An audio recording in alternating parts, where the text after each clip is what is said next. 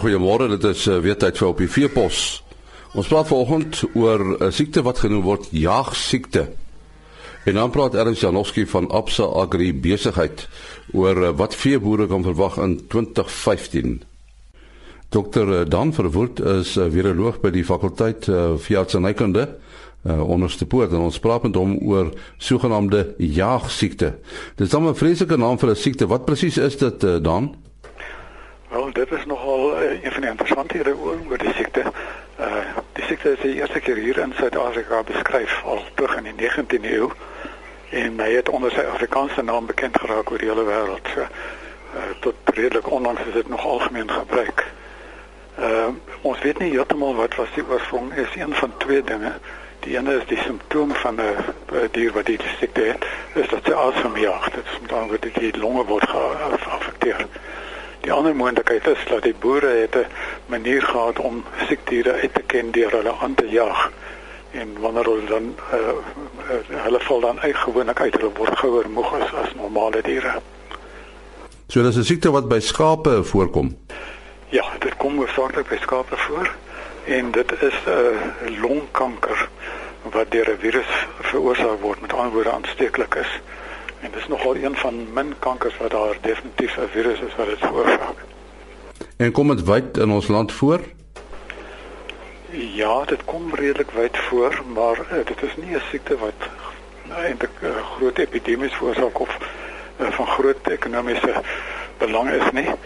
Uh, maar dit is wel belangrik vir die boere want dit is baie moeilik om daarvan ontslae te raak as mens eenmal die infeksie in 'n kudde het. En kom dit onder alle rasse voor, alle skaaprasse? Ja, dit kom uh, oral voor, maar sekere rasse is meer vatbaar as ander gewoonlik. Uh beide ons karakool uh, skape en ook die merino skape is meer vatbaar as sien nou maar die Engelse rasse. Uh, mens wonder hoekom dit sou wees. Nee, ons weet nie eintlik nie. Uh dit is maar een van die geheime wat nog bestaan onder die dus daar is nog eintlik heel wat dinge uh, dinge wat nog nie opgelos is nie. En jy het nou gepraat van die jaagasem. Watter ander simptome is daar? Ja, miskien moet ek sê dit is 'n siekte wat baie stadig ontwikkel. Dit kan maande of jare neem voordat dit die werklike simptome wys. Hulle gaan maar geleidelik agteruit. Uh, hulle sal hulle sal geleidelik maler word en uh, swakker word en so aan. Uh uiteindelik wanneer die siekte nou ver gevorderd is, dan is dit redelik maklik om te sien. Gewoonlik is daar skuim wat uit die neus uitloop, die diere hoes, nies. Uh so uh, dit is redelik prominent hierdie hierdie slijmerige vloeisel wat uit die neus uitloop. En en die oordraging, hoe vind dit plaas?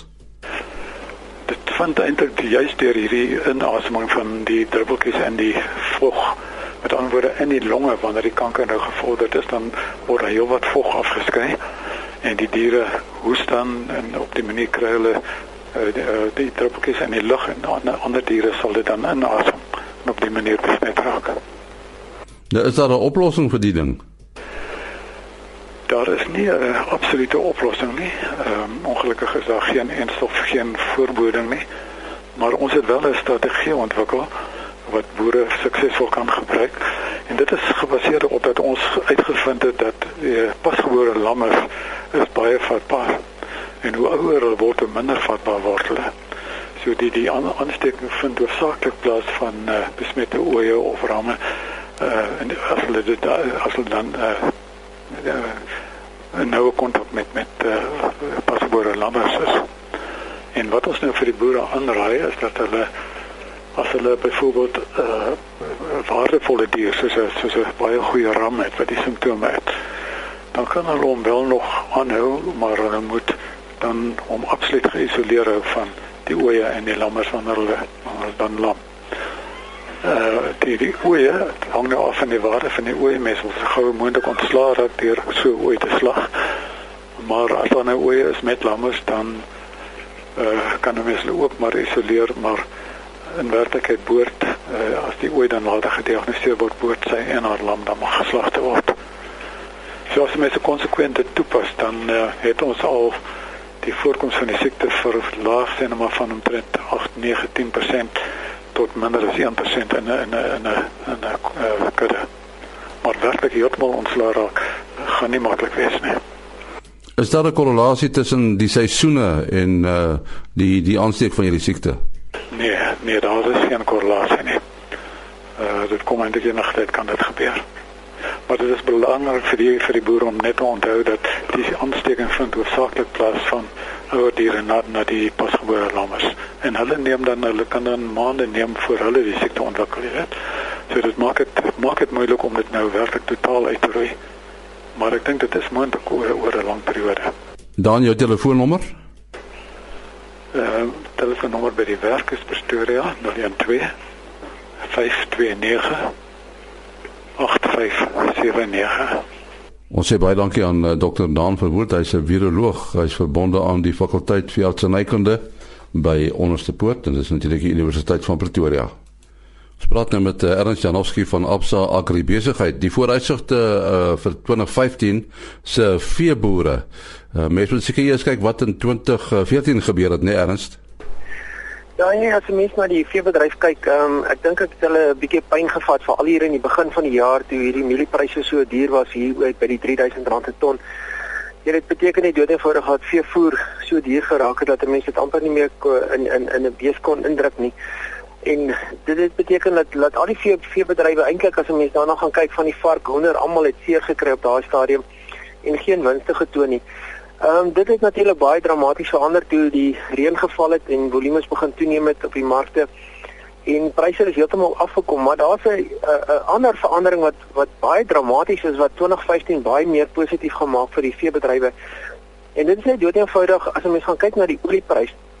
Nou wat gebeur in die olieprys op die huidige stadium is, is dat Amerika eintlik ehm um, totaal onafhanklik begin raak het van ehm um, energie en en selfs meer olie verkoop as wat hy self uh inkoop op die huidige stadium.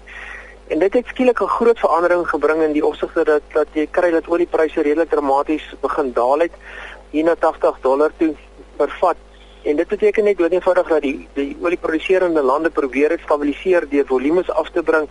Maar aan die einde van die dag beteken dit een ding, die oliemanne gaan 'n bietjie seer kry en ongelukkig as hulle seer kry, dan gaan die die biobrandstofmanne ook 'n bietjie seer kry en ehm um, en teen die huidige mieliepryse is dit dis baie moeilik om biobrandstof uh volhoudend te produseer.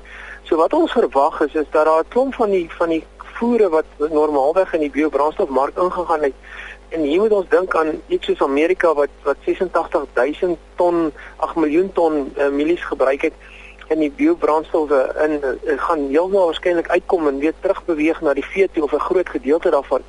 En dit beteken dat mieliepryse en dan natuurlik die oliesade en almal wat daarmee saamgaan, ehm um, ook tot 'n mate onder druk gaan wees en hierdie skep 'n geleentheid vir baie goeie groei in die veebedrywe want ons verwag is dat die veevoer gedeeltes baie goedkoper gaan wees in die, in vir vir 2015 vorentoe. As 'n mens na die vee kyk dan dan dan is is is vir my die pryse baie uh positief op die huidige stadium.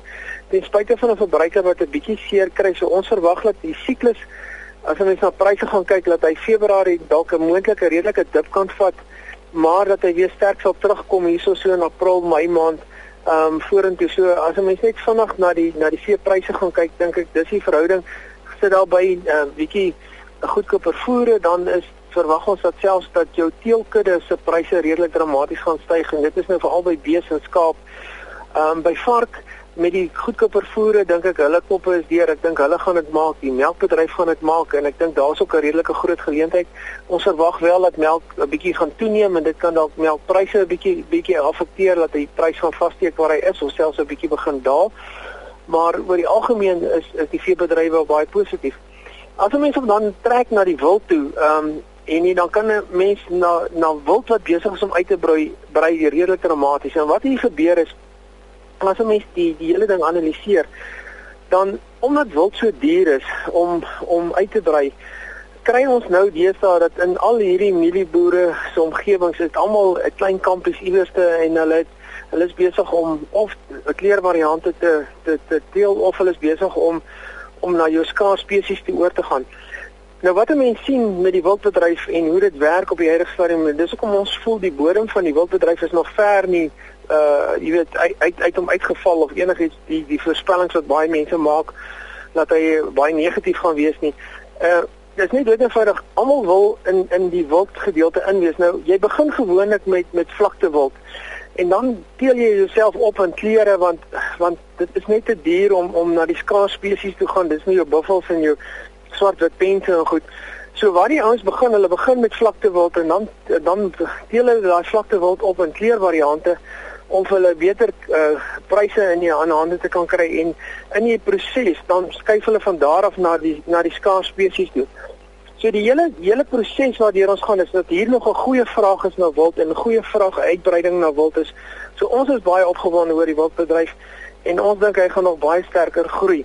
Maar laat jou kleurvariante wel in die volgende 5 of 10 jaar iewers 'n probleem gaan opstel is waar soos die soos die die die skaars spesies al hoe meer begin toeneem. Dit was uh Ernst Janowski van Absa Agri besigheid. Ook die einde van op die veepos. Môreoggend is ons terug. Tot dan, mooi loop.